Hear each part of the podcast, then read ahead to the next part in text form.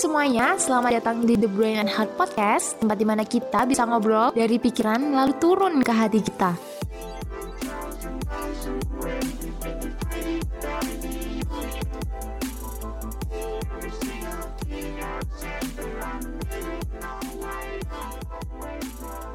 Halo semuanya, jadi ini adalah acara The Brain and Heart, yaitu segmen terbaru dari kita, dari Stiki Malang.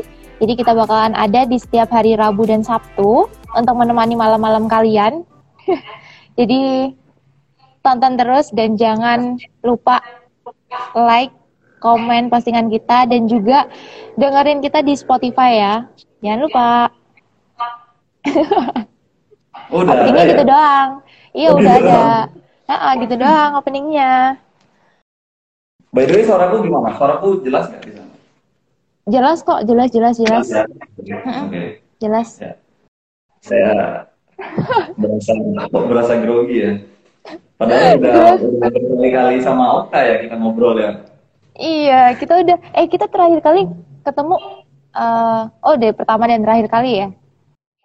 Itu oh ya pas ini kan kalau nggak salah pas personal branding ya kita bahas personal branding nggak sih? Iya, Aku lupa, pokoknya ke sana kan betul kan?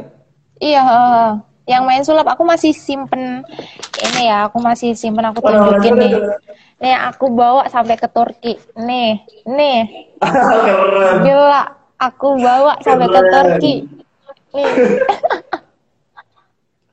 Wah, baru kamu nih kayaknya yang selalu nyimpan. Ini aduh, gila sih. Iya. Kenang-kenangan. Kenang-kenangan ya. Bisa jadi pembatas buku biasanya kalau orang-orang baca. jadi pembatas. Nggak, Enggak lah sayang. Ih sayang banget aku taruh dompet tahu tuh. Aku taruh dengan baik di sini gitu. oh iya, tadi belum kenalan loh. Kenalan dulu. Ini ini siapa nih yang ada di sini yang ganteng banget nih?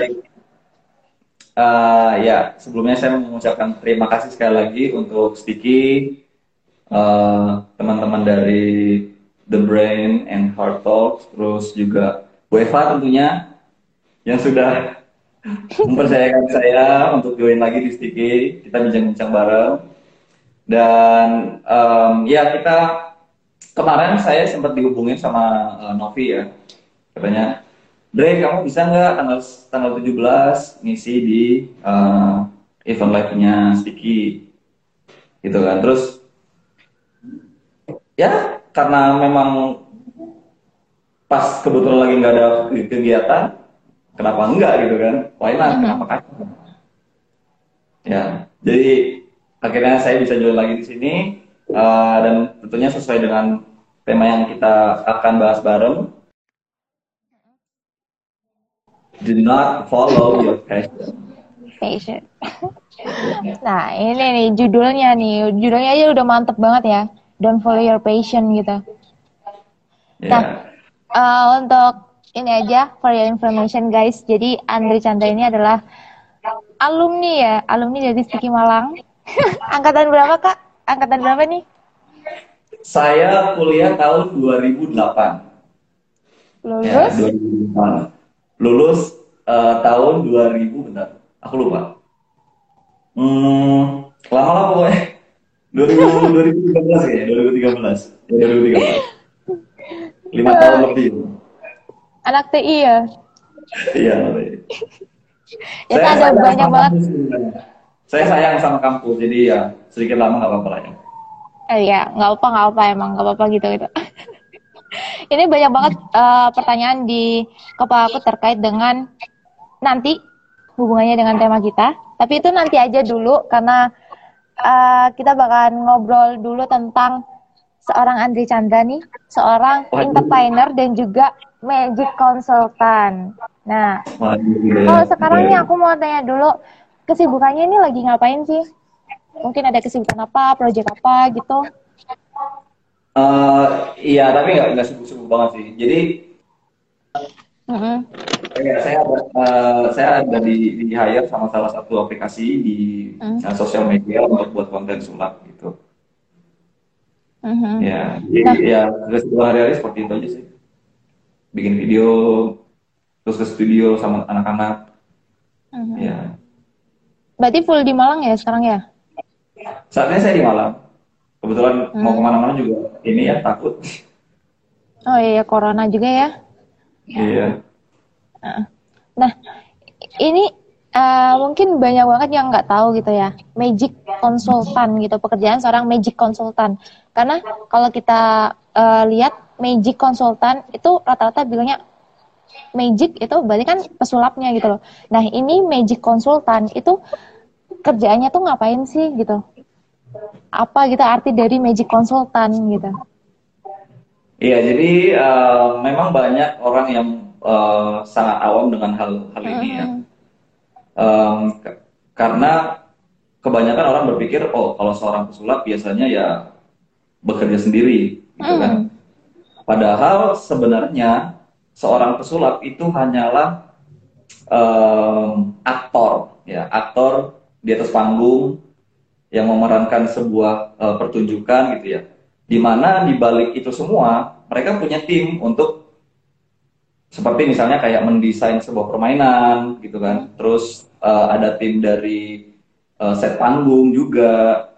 Terus ada tim dari em, misalnya lighting kalau misalnya main di TV gitu. Dan ada orang yang di balik layar yang eh, bertugas untuk memastikan bahwa pertunjukan itu berjalan dengan sesuai dengan dengan mulus gitu loh. Mm-mm. Nah, saya kebetulan salah satu eh, kerjaan saya waktu itu ya adalah mendesain sebuah permainan. Jadi eh, di mana saya harus membuat sebuah ide-ide sulap gitu ya, permainan-permainan sulap. Lalu saya berikan ke pesulapnya, lalu si pesulap itu yang tinggal tampil gitu. Jadi istilahnya Oh, eh, permainan ini kita kita eh, briefing, kita diskusikan kita kira-kira mau main apa.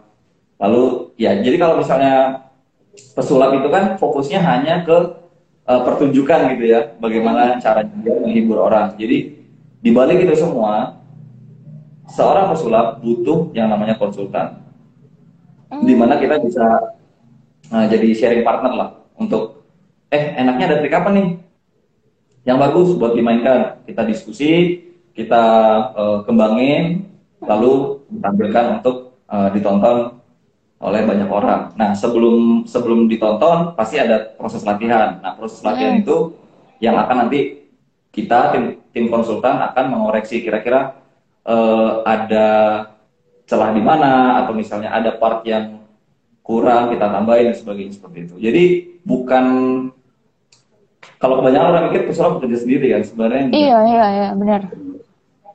Sebenarnya enggak. Ya. Jadi semua semua hal yang berhubungan dengan uh, pertunjukan sulap itu full kompleks. Timnya banyak yang nggak kelihatan dia. Mhm. Ya. Dan Nah, itu- ya kebetulan saya uh, waktu itu di di di hire uh, sama salah satu pesulap internasional yang ada di Indonesia mungkin udah tahu ya ini ya. Iya iya Ya, tahu. dia, dia, dia show ke mana-mana itu. Jadi ya saya ya saya sempat di sana, sempat jadi salah satu tim konsultannya Demian Aditya juga. Berarti ikut juga dong yang dulu heboh yang di apa American Got Talent ya? Oh ya itu itu itu sebelum itu sekitar satu bulan sebelum saya join. oh, Ya lalu setelah America Got Talent itu kan eh, Demian itu ada eh, ke Kolombia kan waktu itu ada acara di sana ada fes- festival festival internasional The Humor kalau nggak salah namanya. Nah itu di Kolombia di Bogota. Nah pada saat itu baru saya mulai mulai, join. Jadi di Bogota eh, Australia Got Talent hmm? Ya, saya ikut juga. Lalu Su- Superhuman Malaysia sama Jakarta, The Grandmaster of Magic Filipina, sama World Got Talent di China. Gitu. wow. Jadi ya gitulah jalan-jalan gratis gitu. iya. Tapi keren sih itu keren banget. Maksudnya nggak kepikiran juga gitu kan ada pekerjaan ternyata ada juga loh pekerjaan magic konsultan gitu kan kerjaan yang Ya, karena- anti mainstream. karena- betul, betul. Karena memang eh, saya rasa di semua bidang sih. Maksudnya nggak hanya di dunia Hmm. sulap ya, bahkan Bahkan penyanyi terkenal pun mereka punya yang namanya vocal coach misalnya. Ya kan, penyanyi saja Iya, yang iya benar. terkesan dia eh, show sendiri, kita nggak sadar bahwa di belakang itu banyak sekali timnya, baik em, equipment atau musik, aransemennya gimana, terus pelatihan vokalnya seperti apa gitu. Ya, jadi Hmm. jangan jangan kaget kalau Magic Consultant itu sebenarnya ada. Ya. Dan gak hanya Iya. gak, sedikit loh di Indonesia Magic Consultant. Magic Consultant banyak loh di Indonesia. Teman-teman Oh, iya? saya sendiri, mm, eh, teman-teman saya sendiri itu bahkan sampai ada yang eh, dia kreator pembuat alat sulap ya, pembuat alat sulap dan itu dijual di salah satu eh, toko sulap terbesar di dunia dan pasarnya gede banget. Bukan orang Indonesia doang yang beli gitu loh. Jadi orang Amerika, orang Eropa yang suka sama sulap, mereka beli produknya. Hmm. Pasti ada yang tahu kan? Jarang ada yang tahu kan? Enggak, enggak, Iya. enggak, enggak tahu. Enggak pernah tahu kalau kayak ada Jadi kayak gitu. banyak teman-teman saya yang eh, punya ide-ide membuat apa ya eh, alat-alat sulap gitu, mereka jual dan besar sekali untuk pasarnya. Hmm, biasanya kalau eh, kayak alat-alat sulap gitu, itu mahal nggak sih, Kak? Wah kalau saya sih bilang, kalau saya ditanya seperti saya saya bilang yang nggak mahal karena istilahnya worth it lah untuk dibeli karena lagi-lagi sulap itu berhubungan sama yang namanya kreativitas kan ide. Untuk mendapatkan satu ide permainan itu nggak hanya seminggu dua minggu prosesnya, ya kan bahkan ada orang yang sudah bertahun-tahun di dunia sulap membuat sebuah eh, alat sulap dan akhirnya laku di pasaran itu itu nggak gampang. Jadi kalau di- ditanya mahal atau enggak, bagi saya itu sesuai dengan apa yang kita dapat. Gitu. Ya kebanyakan orang kalau misalnya beli alat sulap gitu ya, oh ternyata gitu doang caranya. Aduh, gimana ya kok kayak sakit gitu ya. Banyak itu kayak gitu tuh, banyak. Iya, banyak pasti banyak ya. Karena karena lagi-lagi ketika kamu membuat sebuah ide dan ide didapat hanya dari satu minggu dua minggu saja, itu saya rasa salah satu yang ibaratnya kalau orang awam bilang salah satu yang buat mahalnya itu di situ idenya itu. Nah kamu berkreasi mungkin bertapa di Gunung Kawi dulu gitu kan dapat wangsit. Mm, mm, mm. Iya, jadi ya saya bilang nggak mahal sih, itu worth it lah, sesuai dengan apa yang kamu dapat. Makanya tergantung tergantung kamu eh, niat atau enggak sih. Kayak, kayak misalnya kamu hobi ikan gitu ya, orang beli ikan kecil harganya 20 juta, bagi mereka it's fine gitu kan, hobi gitu kan. Iya, iya, iya. Iya, Ya, seperti itu lah kira-kira. Biasanya kalau bikin kayak trik-trik gitu berapa lama sih? Perlu waktu berapa lama untuk bikin kayak satu trik kayak gitu? Eh, balik lagi ke pengetahuan si pesulap kan karena kebanyakan dari kita belajar tentunya ya pasti eh, mengikuti trik yang sudah ada gitu kan kita belajar dari buku dari DVD dari banyak media lah yang membuat kita akhirnya bisa belajar sulap nah dari proses itulah yang akhirnya eh, kita dapat kadang-kadang gini kadang-kadang tuh eh, trik-trik yang muncul itu enggak terplanning gitu loh. Jadi aku pengen bikin trik, aku nyusun seperti ini. Enggak, kadang-kadang namanya orang suka berimajinasi ya biasanya kan. Apalagi saya. Saya kadang-kadang tuh kalau misalnya lagi eh, sendirian merenung, tiba-tiba kepikiran, oh kayaknya ini bagus nih. Akhirnya saya coba, saya pelajari, saya kembangin, ya akhirnya jadilah sebuah permainan seperti itu. Jadi ya, ya kalau misalnya orang awam baru belajar sulap terus disuruh bikin trik, nggak mungkin bisa ya pasti lama mikirnya. Iya, iya, benar, benar, benar. Nah, ini untuk kalian-kalian nih yang nonton, kalau ada pertanyaan, bisa langsung di kolom komentar. ada pertanyaan ke Iya. ini ke Kak Andre, bisa langsung di kolom komentar ya. Nah, ini Bentar dulu. katanya rencananya mau ada tampil sulap, gimana Kak Andre? Oh gitu. Katanya ini mau- ya. Katanya mau ada tampil sulap nih. Oke oke. Eh, oke, jadi saya akan sedikit bermain-main ya sebelum kita masuk ke em, topik pembahasan ya. Iya, ini Jadi yang paling aku suka nih. Bentar, ada teman saya itu. Magic Creator Surabaya hadir loh, oke Rahadian. Nah ini salah satu salah eh, teman saya Rahadian ini dia eh, sangat eh, suka bikin-bikin alat sulap gitu ya, lalu di misalkan di di toko online sulap terbesar dunia. Halo Rahadian, apa kabar? Oke, jadi oke aku bakal nunjukin ke kamu dan karena acara ini adalah acara yang spesial ya, jadi saya akan eh, sekaligus mengajarkan kamu bagaimana bermain sulap. Oke, Oke, oke, siap. lihat nggak di tangan saya? Ini kain warnanya Merah? hijau.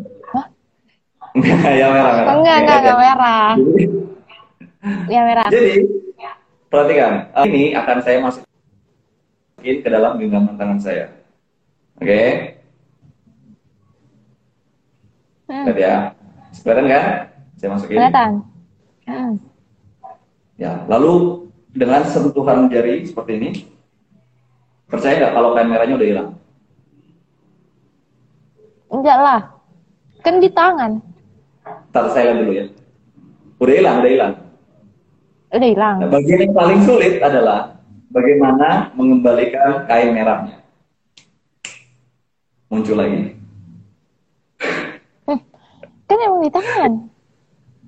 Oke, sekarang lihat ya. Jadi, perhatikan kain merahnya. Saya bakal masukin ke dalam genggaman tangan saya. Oke. Hmm. Nah, kali ini bukan dengan sentuhan jari, tapi dengan tiup. Tuh, lihat. Dia sudah berubah menjadi telur. Oke. Enggak, enggak jadi. Enggak, jadi gini. Aku ajarin caranya. Jadi ini buat khusus hari ini. Jadi teman-teman yang mau belajar sulap, saya akan ajarin sulapnya. Nah, sebenarnya yang terjadi adalah di sini saya punya kain dan telur bohongan. Tuh. Itu yang kalian butuhkan. Jadi yang pertama kalian eh, beli telur di eh, toko mainan, ya telur-teluran. Kamu bisa lihat nggak ada lubangnya, Iya, ada, ada, ada. ya? Lihat, lihat. Ah. Ada lubang. Dan kain merah, di mana kain merah ini dia harus tipis supaya bisa diselipin di telurnya. Nah, jadi caranya gampang. Telurnya jangan sampai kelihatan ya, telur bohongannya jangan sampai kelihatan. Tutupin di tangan gini, terus kain merahnya dimasukin. Tuh.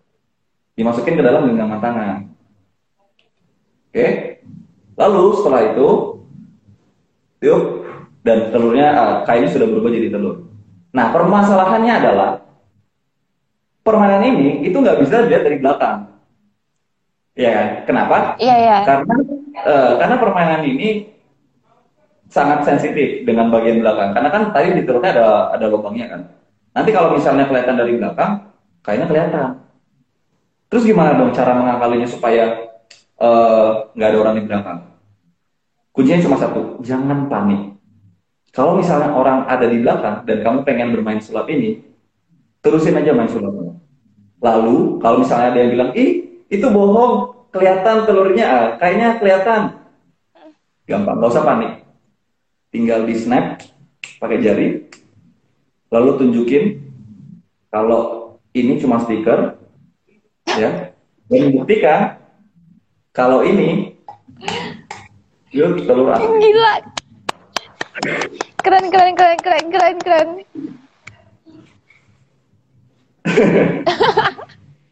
Ya, jadi nggak usah panik. I- i- Orang pro emang beda ya, orang pro emang beda. Keren, keren, keren. Ya Iya, udah profesional. Sorry, sorry. Ya, minta tolong tisu dong. Oke, makasih ya. Ya, thank you. Keren, keren, keren banget. Enggak lah, enggak lah. Nggak- Nggak masuk akal katanya nih. Nih, siapa nih? Abzai Nizam. nggak masuk akal katanya.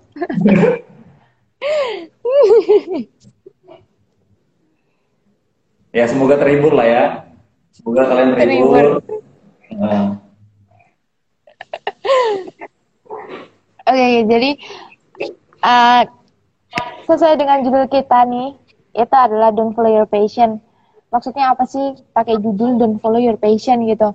Sedangkan sekarang tuh kayak apa-apa, aduh ini passionku, aduh ini bukan passionku kayak gitu. Nah, gimana nih Kak Andre nih? Oke, okay, mungkin uh, ya jadi uh, seperti yang kita mungkin sudah sama-sama ketahui ya bahwa uh, passion itu sendiri adalah um, sebuah gairah gitu ya, sebuah semangat, sebuah energi. Uh, passion itu bukan sebuah rencana yang akan kamu susun lalu kamu lakukan gitu ya, tapi dia adalah sebuah perasaan yang muncul ketika kamu melakukan sesuatu hal yang kamu senangin gitu. Uh-huh. Nah, iya, jadi kebanyakan orang orang muda ya uh, sering banget terjebak dengan kata-kata follow your passion atau uh, ikutin aja passionmu apa gitu. Dan kejar aja yang kamu senang gitu. Lakukan apa yang kamu cintai. Nah uh, tapi problemnya di sini sebagai anak muda karena karena saya sendiri mengalami ya waktu waktu saya muda ya maksud saya saya sekarang masih muda juga. Cuma masih muda kalau dulu saya lebih muda gitu. Ya sekitar 15 tahun yang lalu. Saya saya juga saya juga merasa merasa sedikit terjebak dengan kata-kata uh, follow your passion. Kenapa? Karena gini. Permasalahannya itu ada dua. Kebanyakan anak muda yang pertama itu belum tahu passionnya apa, yang kayak apa. Saya pernah tanya sama beberapa anak-anak SMA gitu ya, kamu sukanya apa? Hobimu apa? Bahkan ditanya hobimu apa? E, apa ya? Apa ya? ya kan? Mungkin kamu juga meng mengenal seorang seseorang yang ketika ditanya hobimu apa atau passionmu apa, dia nggak bisa jawab yang pertama. Dan permasalahan yang kedua yang sering banget terjadi adalah ini juga terjadi sama saya. Selain dia tidak punya kesukaannya, kadang-kadang ada anak muda yang suka banyak hal.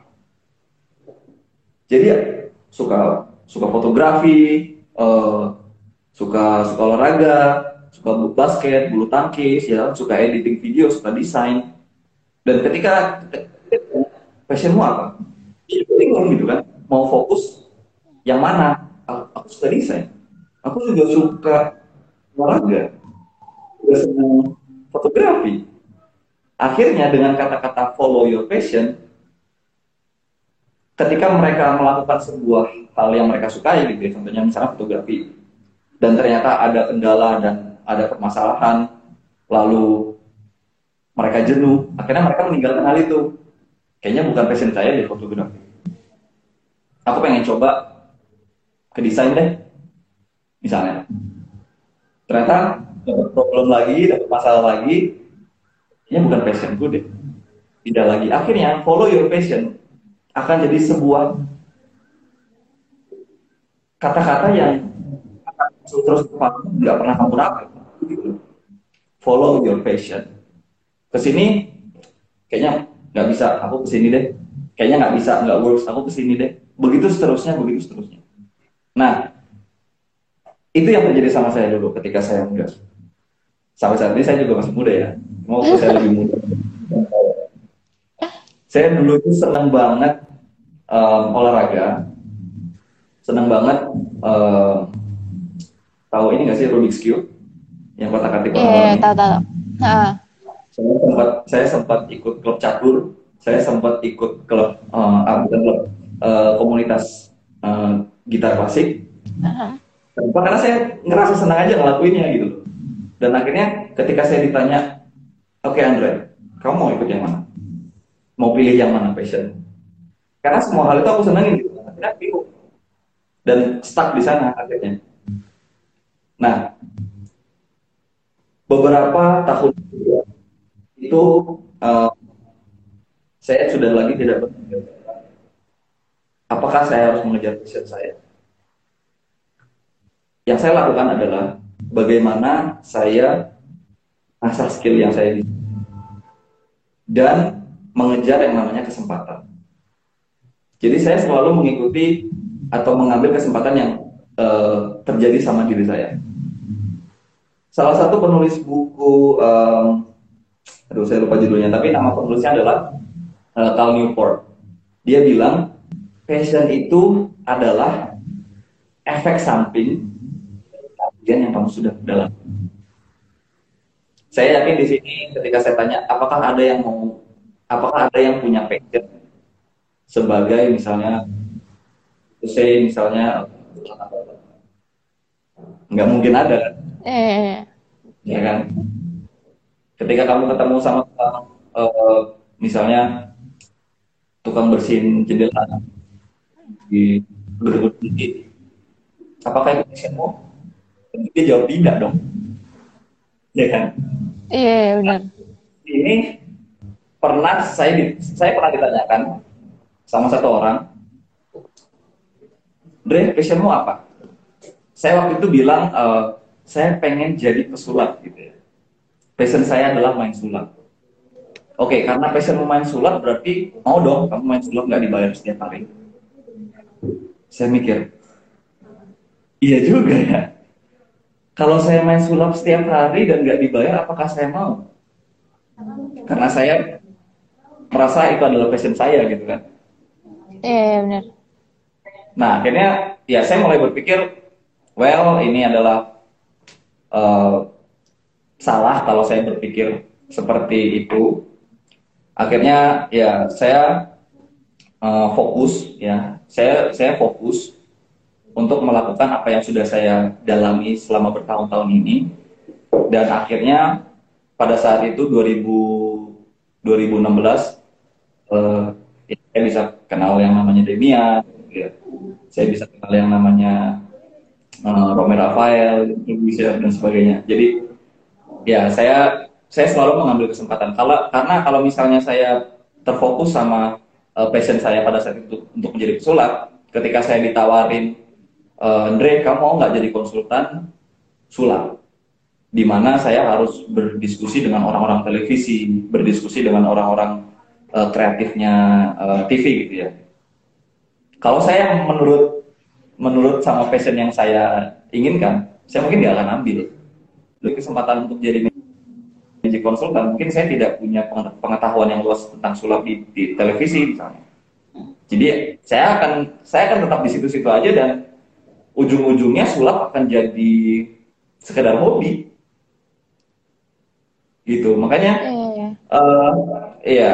setiap setiap kali saya di ditanyain uh, tentang passion saya saya tidak pernah bilang bahwa uh, passion itu adalah sulap uh, sulap itu adalah passion saya. Saya tidak pernah bilang seperti itu, itu karena karena karena balik lagi kamu harus berpikir uh, seperti seorang pengrajin gitu ya. Jadi pengrajin itu kan kalau misalnya dia dia punya satu keahlian, dia tidak peduli dengan apa yang orang lain bilang, dia tidak peduli dengan apa yang orang lain pikirkan, dia akan selalu membuat gitu ya. Pengrajin bambu, dia akan selalu membuat semua inovasi dari bambu, kursi bambu, meja bambu dan sebagainya. Sampai akhirnya dia lakukan itu bertahun-tahun sampai jadi yang namanya modal karir gitu kan modal karir yang kamu bisa pakai untuk ya kesuksesan dirimu sendiri yang ujung-ujungnya ternyata apa yang sudah saya jalani selama bertahun-tahun ini saya ada passion di sana gitu ya sedikit itu sih. Kalau misalnya kita ngomong-ngomong soal passion iya yeah, benar. Emang sih kadang uh, kayak anak muda kayak seumuranku kayak aku aku sendiri aja gitu kayak mikir passionku apa ya? Kayak gitu kan. Masih masih terjebak di antara itu. Terus juga kayak masih terjebak di antara kayak pilih passion atau realitas kadang gitu. Di kerjaan kayak milih uh, kerjaan yang sesuai passionmu atau kerjaan yang menghasilkan kan kadang juga ada gitu kan kayak gitu tuh.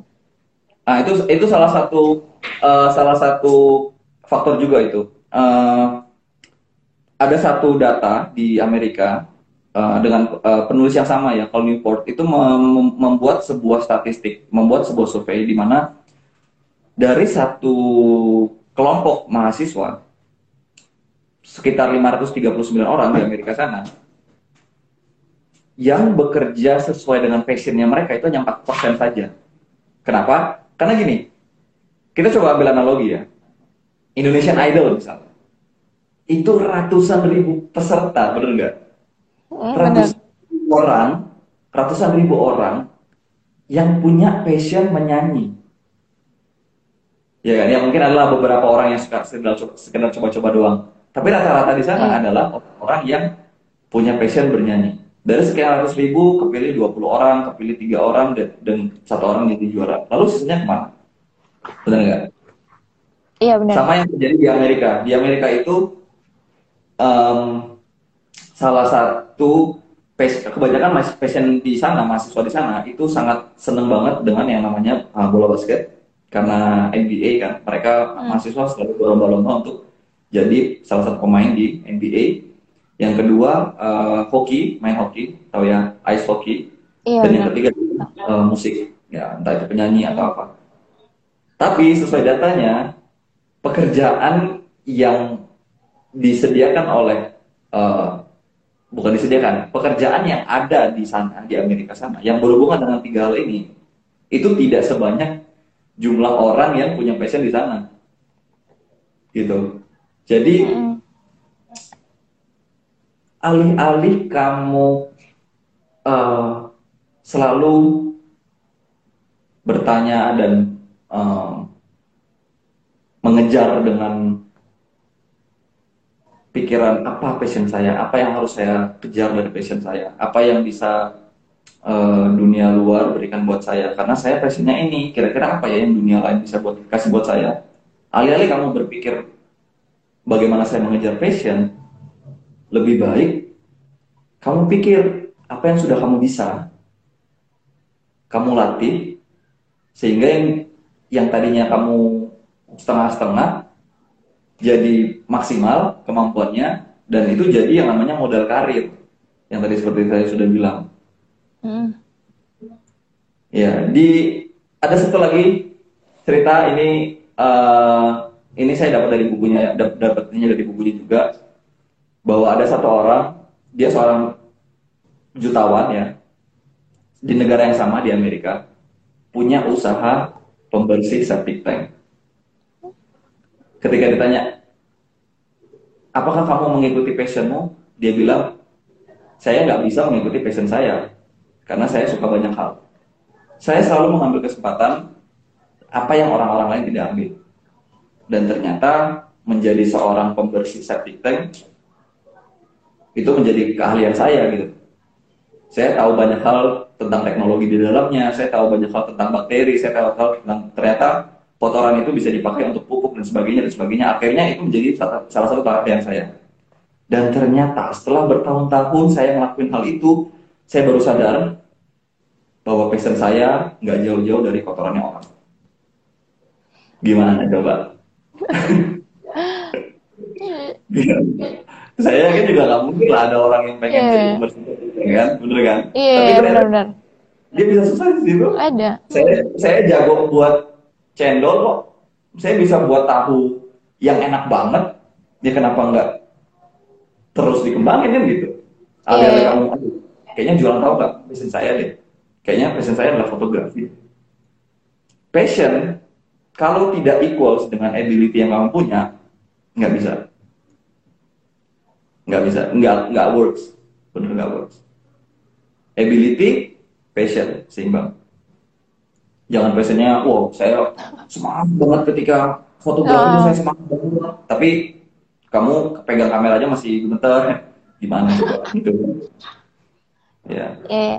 Saya setuju Jadi, dengan pertanyaan, ya. uh, saya setuju dengan pertanyaan yang kalau tadi bahwa passion itu adalah efek samping dari keahlian yang sudah kamu lakukan bertahun-tahun dan kamu sudah dalami itu. Bagus banget. Itu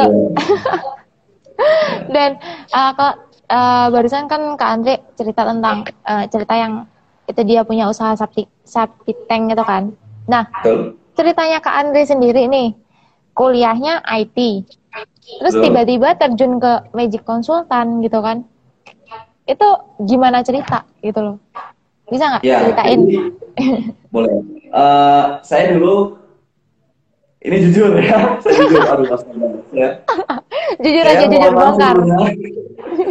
saya mohon maaf sebelumnya sama dosen-dosen mentor mungkin kalau misalnya setelah saya menceritakan hal ini banyak mahasiswa yang resign dari kampus.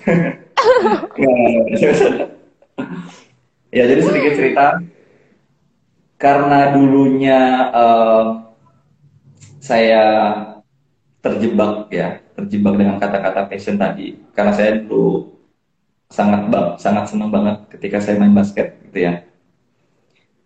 Dan pada saat itu uh, saya juga suka main games. Saya pikirnya gampang aja.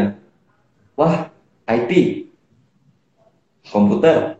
Pasti berhubungan dengan komputer gitu kan. Wah keren ini bisa main game apa. Terus dulu tuh kalau Eh, zaman-zaman itu lagi senang-senangnya ini aku pengen belajar hacker gitu. Pengen belajar hacking gitu kan cracking cracking. Pokoknya yang otaknya yeah. jahat-jahat lah gitu ya. Padahal padahal di sini nggak diajarin kayak gitu gitu. Mereka mereka ngajarin dasarnya kan. Nah lalu saya pikir wah saya senang banget sama komputer games dan uh, teknologi. Lalu saya senang bola basket. Saya cari-cari oh ternyata ada kampus yang lapangan basketnya bagus gitu ya. Dan dan akreditasnya tinggi di dunia IT. Dah sticky. Nggak nggak ada ke kampus-kampus lain nggak ada. Langsung sticky, daftar. Terus pertama kali masuk, pertama kali masuk saya langsung tanya, kak, lapangan basketnya di mana? Itu yang saya tanyain. Oh ada di lantai tiga. Soalnya kan pada saat saya masuk ke parkiran, kok nggak ada lapangan basket? Mana lapangan basketnya gitu kan? Oh ada di lantai tiga. Saya kaget tuh lapangan basketball lantai tiga saya masuk wah keren udah seneng dari sana lima tahun seneng demi lapangan basket. Ya.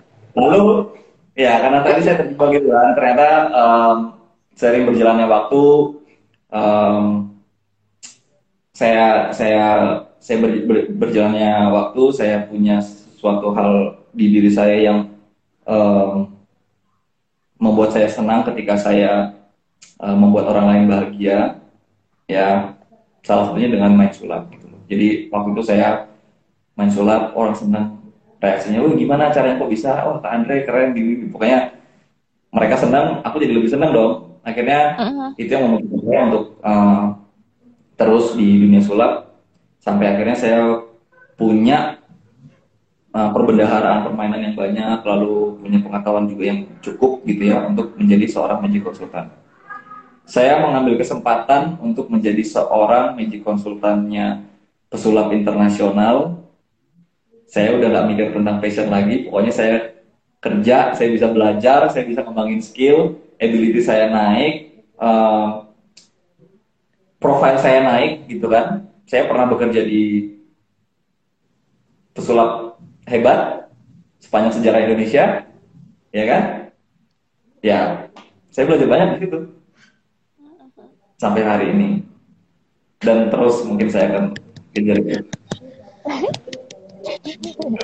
kasih kasih cuma satu orang kan lebih baik satu orang daripada nggak ada ya. Iya. Kayaknya uh, ada lagi nggak uh, mungkin kata-kata yang mau pengen disampaikan ke anak-anak muda gitu ya yang sekarang mungkin mereka juga lagi cari tuh lagi cari passionnya atau lagi cari dia pengen ke mana gitu di tengah-tengah kebingungannya sekarang saya punya satu tips bagi anak muda yang ingin uh, mencari tahu passion yang ada di dalam diri mereka apa uh, kegiatan yang bisa mereka lakukan yang paling gampang adalah paling gampang banget, paling bawah. Coba mulai dengan sesuatu hal yang kalian suka dulu. Oke. Okay? kalian suka coba dilakuin. Karena kalau cuma sekedar suka kalian nggak ngelakuin kalian nggak akan bisa tahu. Karena gini orang tuh cenderung jenuh gitu kan. Lagi musim fotografi semuanya fotografi semua. Yang suka yang nggak suka yang cuma sekedar ikut ikutan yang cuma diajak temennya semua fotografi. Selesai itu hilang semua. Ya enggak Iya, coba mulailah dari sesuatu yang kalian suka. Yang kedua coba gabungin apa yang kalian bisa dan apa yang kalian resahkan saya ada contoh satu sederhana simple banget hmm, ada satu orang dia bisa mengoperasikan yang namanya Photoshop Simpel dong, semua orang bisa dong Photoshop biasa. Ya. Tapi ya, tapi ada satu hal yang nyangkut di kepalanya dalam karena kondisi saat saat ini seperti yang kamu udah ketahui bahwa di Indonesia tingkat uh, corona terus meningkat ya. ya. Akhirnya dia pikir gimana dengan skill Photoshop saya bisa menuangkan keresahan saya melalui foto. Akhirnya dia buat sebuah postingan ya kan tentang bagaimana caranya e, menghindari corona. Didesain tuh digambar yang bagus. Oh, Oke, okay, memakai masker, mencuci tangan dan sebagainya dan sebagainya. Akhirnya dipost di media sosial. Lalu ada lagi sesuatu yang dia pikirkan, oh ternyata orang Indonesia ini malas-malas ya. Dikasih lagi info, info, pokoknya dikasih informasi pengetahuan tentang apa yang dia resahkan melalui Photoshop diposting ke media sosial. Akhirnya followernya. Oh ternyata informasinya bermanfaat ya. Thank you udah kasih informasi dan sebagainya. Secara tak sadar, apa yang dia rasakan dan digabung dengan apa yang dia bisa, itu bisa jadi passionnya dia loh. Oh ternyata kerjaan yang aku kerjain ini berguna bagi temannya dan aku senang. Gitu. Sama ketika saya main sulap, kalau ditanya, apakah passion Anda sulap? Bukan, passionku bukan sulap. Passionku itu membuat orang bahagia dalam dalam simpelnya membuat orang bahagia. Dan salah, salah satu cara yang aku bisa adalah dengan main sulap. Gitu. Jadi, apakah Anda yang passion di sulap? Saya ingin menjadi orang yang bermanfaat buat orang. Dan salah satu salah, salah, salah satu cara saya adalah dengan bermain sulap. Gitu. Dan ketika orang lain happy, saya merasa lebih happy lagi daripada sisi penonton sulap saya. Pesan terakhir yang mungkin bisa saya kasih untuk anak-anak muda, never follow your passion. always bring it with you. By Andre Chandra. Iya, itu dengan by Andre Chandra. Oke. Okay. Terima kasih banyak untuk waktunya Kak Andre. Semoga kita bisa ketemu lagi, bisa ngobrol lagi lebih banyak. Ya tadi menginspirasi sekali. Kayak ya pengetahuan baru, uh, uh, pengetahuan baru juga. Ya ternyata ada banyak hal gitu loh yang itu bisa jadi masukan untuk kita kita anak-anak muda untuk bisa nentuin masa depan mereka, pilihan mereka kayak gitu. Jadi eh tadi don't follow your passion dari Andre Chandra. bisa dikutip itu tadi kata-katanya itu kata-kata keren tuh. semua. ya banyak oh. banyak orang yang orang banyak orang yang masih ya terjebak di kata-kata itu sih. Jadi ya lebih baik benar kamu bilang tadi kita harus berpikir realistis. Ya kayak saya dulu senang main sulap, tapi gimana caranya saya bisa beli alat sulap kalau nggak punya duit? Oh, otomatis saya kerja yang lain dulu, gitu ya. Saya kerja yeah. yang lain dulu. Saya dapat duit, duitnya bisa saya buat hobi saya, gitu kan. Iya, iya benar. Oke, kalau gitu terima kasih banyak ya waktunya Kak Andre.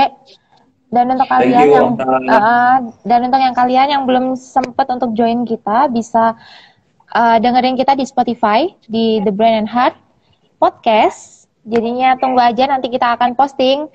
Mungkin postingnya satu bulan lagi ya. Mohon maaf. Tunggu ya. editor. Oke oke. Siap. Oke, okay, thank you. Dan jangan lupa follow Instagramnya Sticky Malang. Oke, bye bye. Bye Selamat malam. Thank you.